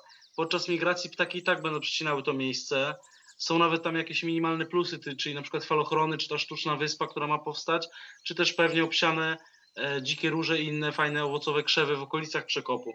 Natomiast przede wszystkim jest to głupota, biorąc pod uwagę ogólnie przyrodniczo. Nie mamy pojęcia, w jaki sposób woda się zachowa w momencie, kiedy te, ten, ta mierzeja będzie przecięta. Nie wiemy, w jaki sposób zaszkodzi to przede wszystkim zwierzętom i, i w ogóle życiu w, w Zalewie Wiślanym. Miesz, mieszanie olbrzymie wody. E, akwen, którym jest Zalew Wiślany, jest bardzo, bardzo płytkim akwenem. Także to jest troszkę robienie na siłę sportu śródlądowego w Elblągu, portu morskiego, gdzie mamy potężne porty w Gdyni czy w Gdańsku i tak naprawdę w ogóle tego nie potrzebujemy. Z tego będą korzystać kilka jakichś prywatnych łódek czy, czy, czy mm, innych obiektów wodnych, pojazdów wodnych, tak to nazwijmy. A też jest to przykre dla, dla mieszkańców też Mierzei Wiślanej, gdzie Krynica Morska bardzo protestowała przeciwko przekopowi.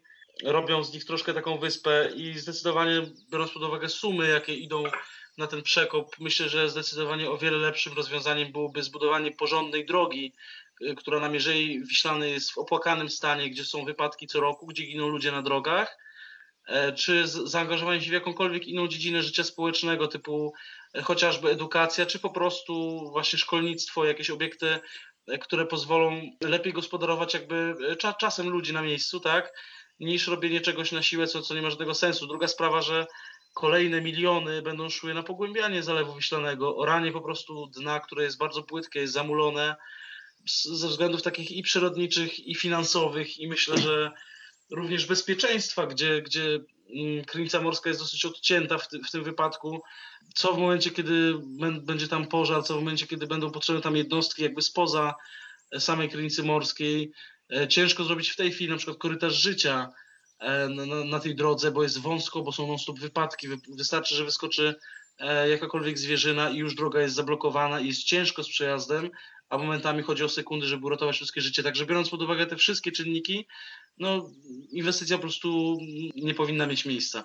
A zgodzisz się ze mną, bo tutaj taką y, tezę wysunę, że mm, ta inwestycja bardzo dobrze ilustruje to, w jaki sposób y, obecnie no, na poziomie władz w Polsce podchodzi się do, do przyrody po prostu, że, że ten aspekt przyrodniczy, czy inaczej, to jest takie już skrajne pokazanie braku szacunku dla przyrody i widać jak na dłoni, że przyroda i jej ochrona nie ma się nijak, chociażby do jakiegoś, nie wiem, politycznego, no nazwijmy to mocno kaprysu, nie? Bo to tak, tak. wygląda bardziej na taką manifestację polityczną. Zrobimy, bo możemy. Pokażemy, Dokładnie. że możemy. Robimy, Dobra. bo nic nam nie możecie zrobić, powstrzymacie nas. Dokładnie tak. To nie, to nie drążę już tego tematu, bo, bo y, jest o. on dla nas y, przykry i smutny. W takim razie już zmierzając do końca, zapytam jeszcze o takie tematy powiązane, no bo spędzacie ten czas y, w okresie, kiedy powiedzmy na Bałtyku też ruszają jesienne sztormy. Ci, którzy tam trochę tym birdwatchingiem się interesują, wiedzą, że sztorm no, może inaczej, ci, którzy nie wiedzą, pukają się w głowę, widząc tych, którzy się cieszą, że idzie sztorm i ruszają wtedy nad morze. Czy, czy powiedzmy nad y, Półwysep Helski, czy właśnie nad, gdzieś tam nad Zatokę.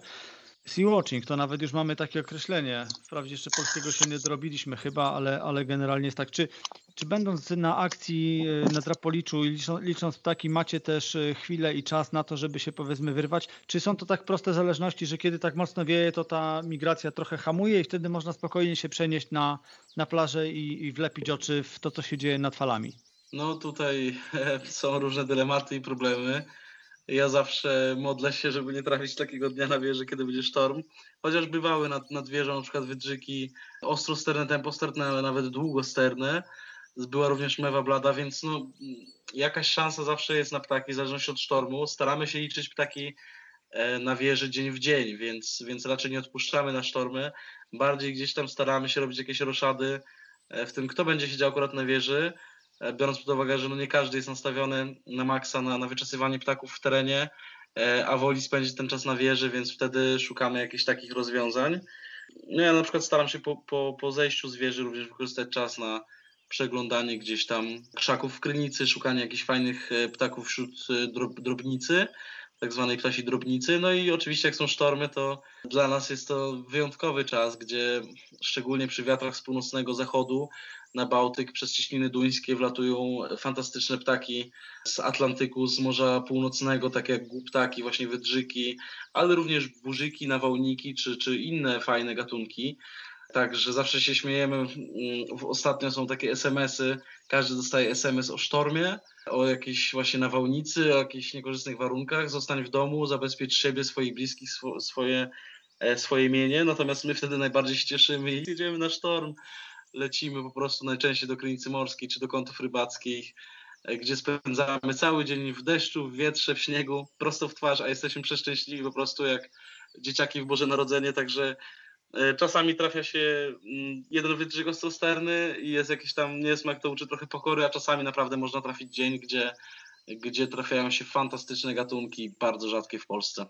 No ale też trzeba dodać, że e, takie właśnie obserwacje sztormowe to już jest zabawa dla tych naprawdę najbardziej zaawansowanych, bo często widzi się, znaczy generalnie warunki bywają takie, że wiatr przewraca lunetę, piasek e, wali po oczach i generalnie jest, jest wszędzie. A tak. w, w tych realiach trzeba jeszcze zobaczyć e, czasami naprawdę mikroskopijnej wielkości sylwetkę ptaka lecącego gdzieś, wydaje się czasami, że pomiędzy wręcz falami. To są ułamki sekund tak naprawdę na to, żeby, żeby próbować gdzieś po jakichś cechach, a czasami nie wiem, po, po, po tym, co wydaje nam się wręcz, że widzimy, nie? Że, że, że to są naprawdę niełatwe, niełatwe historie dla super zaawansowanych obserwatorów. Tak, no wymaga to doświadczenia, wymaga refleksu, ale no tak jak z ptakami, nikt nie zaczyna jakby z jakiegoś poziomu, zaczyna od zera, więc, więc e, im więcej będziemy patrzeć na sztormach, czy im więcej będziemy szukać ptaków rublowych e, w, w krzakach, czy im więcej będziemy siedzieć na wieży Drapolicza, tym lepsi w tym będziemy i tyle. A wiadomo też, że jak e, im trudniej, tym potem większa frajda i satysfakcja, nie? Jak już jest sukcesik. Oczywiście tak. Jasne. A powiedz króciutko tylko, jak wygląda taki dzień, kiedy, kiedy masz dyżur na wieży? Tak z czystej ciekawości, no bo wiesz, to jest jakby ten dzień jest podporządkowany temu zadaniu, prawda? I zaczyna się, zaczyna się rano, no i ciągnie się tam powiedzmy do, do popołudnia. To to jest tak, że ta wieża jest dla was takim też miejscem powiedzmy biwakowania przez kawałek dnia. No tak, zdecydowanie mamy jakieś zapasy ze sobą. Ja jestem bardzo zwierzęciem towarzyskim, że tak powiem. Lubię mieć zawsze towarzystwo, więc zwykle nie siedzę na wieży sam, zwykle jadę z jakimiś właśnie ptasimi znajomymi. E, też wiele osób poznaje na wieży, więc ten czas bardzo przyjemnie przylatuje. E, jest pełno żartów, dyskusji, ca całej tej miłości do ptaków, tej atmosfery takiej podniosłej obserwacji ptaków i siedzenia w jakiejś paczce. Także no, po prostu wstajemy dosyć wcześnie, żeby nie, nie spóźnić się na wieżę. Staramy się przeglądać ptaki. Tam się cały czas dzieje, coś dzieje tak naprawdę. problem jest wtedy, kiedy na przykład pojedzie się w deszczu, czy, czy w jakiś dzień, w którym jest kompletna flauta i te ptaki w ogóle nie lecą. Wtedy jest trochę trudno i ten czas się dłuży, ale głównie jest naprawdę fantastycznym przeżyciem takie przesiedzenie całego dnia liczeniowego na, na wieży Drapolicza. Zwykle to no. właśnie wkręca i jest motywacja na przyszłość, szczególnie jak się trafi jakiś dobry dzień na start, gdzie poleci naprawdę dużo ptaków, człowiek jest naprawdę podierany i, i no, widzi w tym sens i widzi w tym no, pasję po prostu, coś co sprawia przyjemność, daje motywację do, do życia gdzieś tam codziennego, tak? Ekstra. Fajnie, naprawdę miło mi słyszeć takie rzeczy, że, że są wśród nas pasjonaci, a tutaj to nigdy nic tego nie przebije. Gdzie można śledzić wasze, wasze działania? No na pewno profil na Facebooku, nie? Tam na bieżąco chyba relacje idą tak. w zasadzie każdego dnia, jest króciutki chociaż opis, jest kilka fajnych zdjęć. Strona facebookowa, myślę, że tam też jesteśmy cały czas yy, jakby dostępni, dosyć szybko odpisujemy na, na wiadomości prywatne, także można się zapytać o wszystkie szczegóły żeby tam na przykład nie błądzić po lesie, czy żeby dobrze trafić na wieżę, e, czy właśnie taki newsletter, gdzie, gdzie cały czas uzupełniamy, co się dzieje na wieży, wrzucamy jakieś ciekawostki, wrzucamy również zdjęcia ptaków szponiastych z innych krajów co jakiś czas, mm, także warto sobie ją śledzić. E, i tak naprawdę wszystkie rzeczy, które znajdziemy na stronie facebookowej, znajdziemy również na stronie internetowej. To jest taka dla, wersja dla, dla obserwatorów, którzy e, nie mają Facebooka, co jeszcze w tych czasach się zdarza, więc również tam wrzucamy nasze materiały, ale myślę, że Facebook jest to najbardziej e, dostępną formą. Na stronie tej www zdaje się jest też kilka informacji takich e, historycznych powiedzmy, które no, o które tutaj Cię pytałem. Tam można chyba doczytać o idei, historię powstania i, i tą historię wieży, więc y, też y, od, odsyłam i, i załączę linki do tego. Wielkim wsparciem na pewno jest y, rozpropagowanie naszej działalności, czyli odwiedzanie właśnie Facebooka przede wszystkim, również Instagrama, który dopiero raczkuje, udostępnianie naszych treści, wypowiadanie się fajnie o wieży, wspominanie właśnie wieży, żeby ta informacja o tym pięknym obiekcie dotarła do jak największej ilości osób. Super. Super. Dobrnęliśmy y, gładko i można by było jeszcze długo, bo temat jest złożony i tym bardziej, że w naprawdę fajnym momencie rozmawiamy, kiedy też y, odnoszę wrażenie, że jesteśmy obaj nakręceni. Ja też wczoraj wróciłem, wróciłem z ptasiej wyprawy. Y, ty jesteś cały czas na bieżąco zaangażowany bardzo mocno, więc tym bardziej czujemy teraz moc nie? W, ty, w, ty, w tym czasie. Bardzo Ci dziękuję, że znalazłeś czas. Cieszę się, że mogliśmy pogadać. E, gratuluję fajnej pasji, gratuluję roboty, którą robicie. Duży szacunek e, i za ten aspekt naukowy, ale za ten edukacyjny, właśnie popularyzatorski, bo, bo to są rzeczy, e, tak jak mówię, dzisiaj chyba kluczowe, żeby wyjść z tym do ludzi i cały czas otwierać oczy w tych niełatwych czasach dla przyrody w naszym Dzięki. kraju. I bardzo mi miło. Bardzo dziękuję. Trzymaj się, wszystkiego dobrego i naprawdę z rarytasów życzę y, w nagrodę. Niech się tam y, dzieją rzeczy na tej siemianówce. Dziękuję bardzo. Do usłyszenia. Wszystkiego dobrego. Hej, hej. Wysłuchaliście rozmowy z ornitologiem Samuelem Sosnowskim. Mam nadzieję, że słysząc teraz gdzieś wysoko nad głową gęganie gęsi czy klangor żurawi, pomyślicie sobie o tym majestatycznym wydarzeniu, jakim jest właśnie ta wędrówka y, jesienna. Jeśli będziecie natomiast jesienią na Podlasiu albo gdzieś nad Zalewem Wiślanym czy Zatoką Gdańską, no to koniecznie skorzystajcie z zaproszenia Samuela. Zajrzyjcie do obrączkarzy na Siemianówce albo wdrapcie się na wieżę, gdzie od załogi Drapolicza dowiecie się więcej o migracji ptaków. A być może przy odrobinie szczęścia zobaczycie też jakieś rzadkie ptaki, które pojawią się akurat w okolicy. Wędrówka ptaków sprzyja oczywiście działaniom fotograficznym, więc do dzieła. Pamiętajcie tylko o odpowiedzialnym podejściu, żeby nie było niesmaku, jak w przypadku fotografki z ujścia warty, o której wcześniej Wam wspomniałem. A teraz czas na rekomendacje. W Łodzi ruszył właśnie festiwal Puchalskiego, a mówiąc ładnie pełną nazwą Międzynarodowy Festiwal Filmów Przyrodniczych imienia Włodzimierza Puchalskiego. Odbywa się pod hasłem Promocja przyrody i krajobrazu Europy. Jest y, największym pokazem filmów przyrodniczych w Polsce i przede wszystkim ogromnym świętem ekologów, filmowców, przyrodników, fotografów, malarzy, którym nie są obce problemy dzisiejszego świata i otaczającej nas przyrody. Festiwal odbywa się w Łodzi od roku 80. Od 2001 odbywa się w formule międzynarodowej.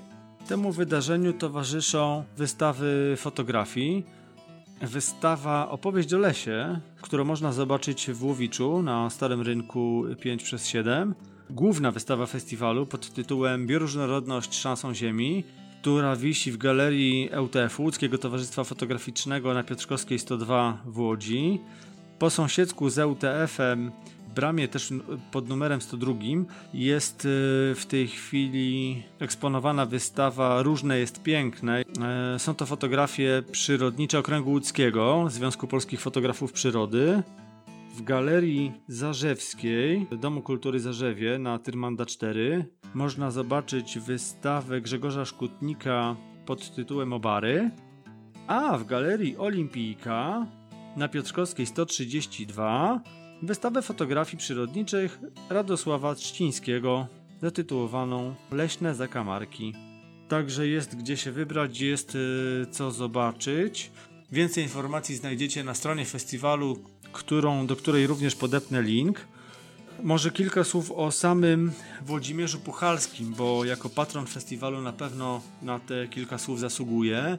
Dla wielu fotografów to taka pierwsza y, inspiracja sprzed lat. Włodzimierz Puchalski urodził się w 1909 roku e, koło Lwowa. Z wykształcenia był inżynierem agronomem, e, studiował na Akademii Rolniczej i na Wydziale Rolniczo-Leśnym. Wielka pasja tego miłośnika przyrody w połączeniu z umiejętnościami fotografa i filmowca zaowocowała wieloma znakomitymi albumami fotograficznymi i przyrodniczymi. Włodzimierz Puchalski był, można powiedzieć, ojcem. Tak bezkrwawych łowów. Nazwał tak swój film przyrodniczy w roku 1939, kiedy było to naprawdę duże wydarzenie. No i stał się ojcem tych. Tak bezkrwawych łowów. Ilustrowało to takie odejście od y, klasycznego łowiectwa do fotografii przyrodniczej. Można poczytać jego książki, można posłuchać y, audiobooków, które zostały też wydane przez wydawnictwo Lasów Państwowych. Na pewno warto sobie przybliżyć sylwetkę Włodzimierza Puchalskiego, gdyż był jednym z pionierów fotografii przyrodniczej e, i to nie tylko w Polsce. A teraz moja inspiracja, fotograf, którego, którego staram się śledzić na bieżąco od wielu lat, Francuz Vincent Mounier. Genialny fotograf, człowiek, który mm, znalazł swoją niszę, unikatowe podejście do fotografii przyrodniczej Vincent specjalizuje się w fotografii plenerowej. Urodził się we Francji, w departamencie Vogezów. Przygodę z fotografią rozpoczął w wieku 12 lat. Dorastał fotografując naturę w y, okolicznych lasach. Fotografował dziką przyrodę w wielu miejscach na całym świecie. Podchodzi do niej z szacunkiem, z pasją. Do jego największych prac należą m.in. zdjęcia białych wilków z Kanady czy łabędzi żurawi z japońskiej wyspy Hokkaido. Vincent jest pierwszym fotografem, który trzy razy z rzędu otrzymał nagrodę BBC Wildlife Photographer of the Year, czyli taki fotograf przyrody roku, inaczej mówiąc. Jego zdjęcia można było oglądać w galeriach sztuki prestiżowych magazynach e, na całym świecie. Wydaje albumy, fotografie publikuje w założonym przez siebie w 2010 wydawnictwie Kobalan. Chyba nadal jest y, europejskim ambasadorem marki Nikon. Chętnie dzieli się swoimi spostrzeżeniami dotyczącymi fotografowania. Taką można powiedzieć niszą też, w którą wszedł i która teraz go charakteryzuje, jest na pewno fotografowanie w warunkach y, arktycznych, w warunkach skrajnie nieprzyjaznych, gdzie często samo przetrwanie już y, jest nie lada trudnością, natomiast Vincent daje radę robić tam po prostu genialne zdjęcia. Kilka lat temu zrobił coś, co było pewnego rodzaju odskocznią od y, zimna, śniegu i dalekiej północy. Mianowicie u siebie we Francji, jeśli mogę tak powiedzieć, sfotografował rykowisko jeleni. Przy tym projekcie współpracował z człowiekiem, który rejestrował dźwięki lasu i człowiek ten nazywa się Mark Namblard. W wyniku ich współpracy powstał niesamowity album, który mam teraz przed sobą i przeglądam. Zdjęcia tego albumu również e, wrzucę na stronę z notatkami do odcinka. Powstał niesamowity album, w którym mamy zdjęcia z przewagą naprawdę nocnych zdjęć, genialnych zdjęć jeleni na rykowisku. Do albumu dołączona została płyta z właśnie z tymi odgłosami nagranymi w lesie. Także oglądając album możemy sobie włączyć e, tę płytę i odtwarzać dźwięki, które będą nam doskonale ilustrować to, na co patrzymy w samym albumie. Po prostu genialne wydawnictwo, rewelacyjny pomysł. I, I, mam wrażenie, że to była rzecz, która, y, której nie dało zrobić się lepiej. Po prostu temat rykowiska został ugryziony po całości, kompleksowo, w sposób y, super, super profesjonalny. Prawdopodobnie Vincent będzie się jeszcze pojawiać w kolejnych odcinkach, bo naprawdę stworzył dużo ciekawych e, albumów, o których będę chciał e, również e, wspomnieć. Zalinkuję do jego strony, do jego Facebooka, zobaczycie i, i chyba też do jego wydawnictwa. Zobaczycie, jakie, jaki jest jego niesamowity dorobek.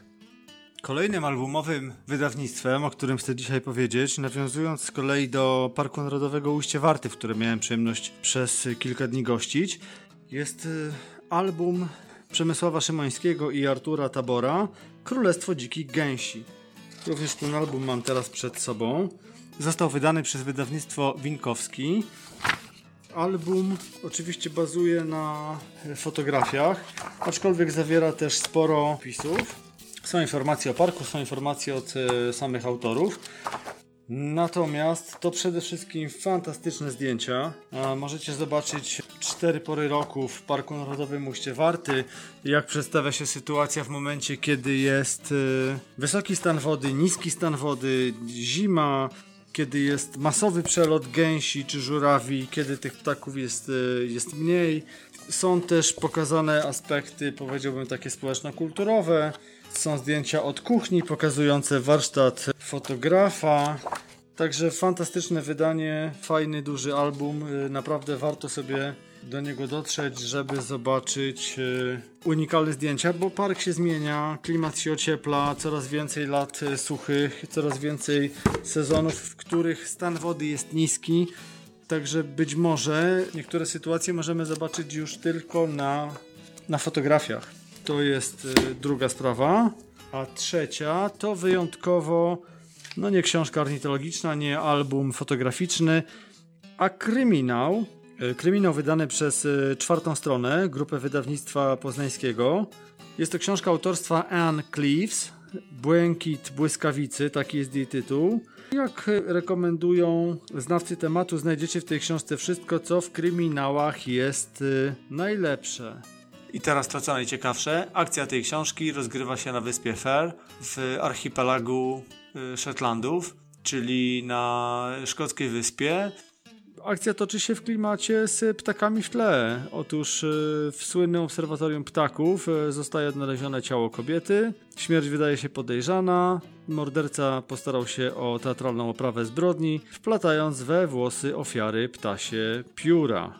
No i cóż, niech to będzie już wystarczającą zajawką dla tej pozycji. Także kto jest miłośnikiem kryminału, a do tego jeszcze lubi ptaki, może się tutaj z takim tematem zmierzyć. Anne Cleves, Błękit Błyskawicy, kryminał, który rozgrywa się na szkockiej wyspie w archipelagu Shetlandów z ptakami w tle.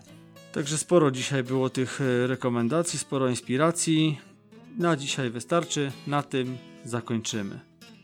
Zachęcam Was do pisania komentarzy, w których możecie odnieść się do treści poszczególnych odcinków, zadawać pytania, podsyłać pomysły na kolejne tematy, czy po prostu wyrażać swoje opinie na temat mojego podcastu.